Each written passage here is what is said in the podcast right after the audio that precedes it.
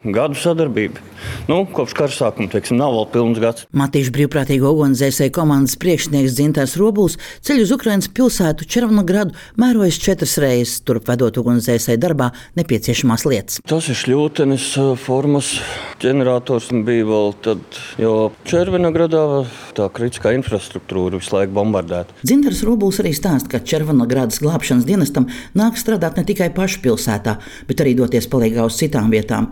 Tāpēc darba apjoms ir ļoti liels, un te lieta noder tas, ka Ukrainā ir saglabāta brīvprātīgo ugunsdzēsēju kustība. Ukrainā ir ļoti spēcīgi attīstīti brīvprātīgie ugunsdzēsēji. Viņiem nav neviena mirkli nolikvidējušies. Viņi. Viņiem pastāv viņi un ir atsloks, teiksim, viņi var paņemt arī mirklī, tad, kad ir glābšanas dienas smagākajos izsaukumos, tad viņi var paņemt attiecīgi vieglākos. Viņi var būt pirmie jebkurā ciematā. Kurš labāk zinās savu ciematu, ja ne brīvprātīgais ugunsdzēsējs? Kad tagad janvārī Valmierā viesojās Červonahrādas ugunsdzēsības un glābšanas dienesta pārstāvji, lai savukārt iepazītu mūsu pieredzi, ar dienesta vadītāju Oleksiju Skribinetu runājam par to, kāda ir brīvprātīgo ugunsdzēsēju loma glābšanas darbos.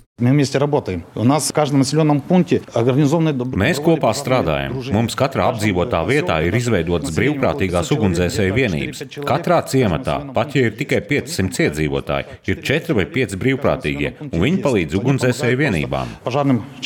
Oleksijas Krebinets uzsver arī to, ka šobrīd palīdzību valsts dienestam sniedz ne tikai brīvprātīgie ugunsdzēsēji, bet arī ļoti plaši ir izvērsusies volantieru kustība. Бучу, Бучу вы знаете. Волонтеры, которые были там, они фактически сделали Buču taču jūs zināt. Volunteeri, kur tur bija, izdarīja ļoti lielu darbu. Tajā skaitā palīdzēja ar mūsu ugunsdzēsēju vienībām, kuras tur strādāja.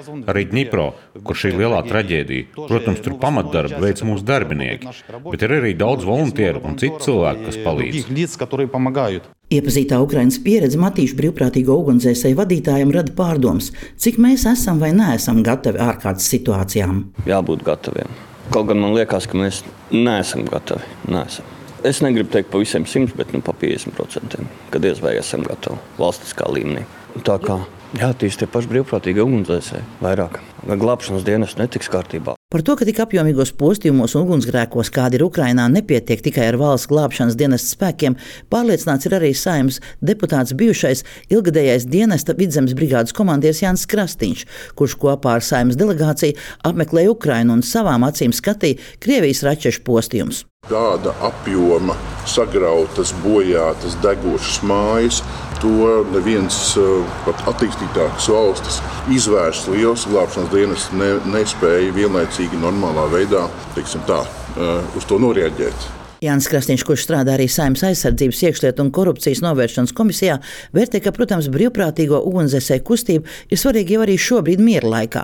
Bet domājot par valsts drošību, tad vispirms vērtējums būtu jādod ekspertiem. Šobrīd, es domāju, pirmām kārtām ir jāsaprot to, kāda šī loma viņiem būs, kā mēs atstājam, un tad ir jāsēž pie viena galda un jāsaprot to, vai tā ir šī ir tā organizācija, ko mēs. Jo nu, ir publiskā telpā izskanējuši dažādi viedokļi. Tā skaitā arī bija par, es dzirdēju šo terminu ugunsardze. Un tur ir idejas par šo kustību līdzīgi veidot kā uz zemesardzes principu. Es nesaku, ne jā, ne nē.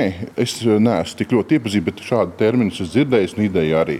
Bet būtībā ir vienkārši ekspertiem, zinātājiem jāpiesēžas pie galda, jāsaliek viens modelis, otrs vai trešais. Vienkārši saprast to, kā to kopēji visā Latvijā vienādā, normālā formā pāraudzīt un darbināt. Jānis Krasīņš arī atzīst, ka tas gan nav izdarāms vienā gada laikā.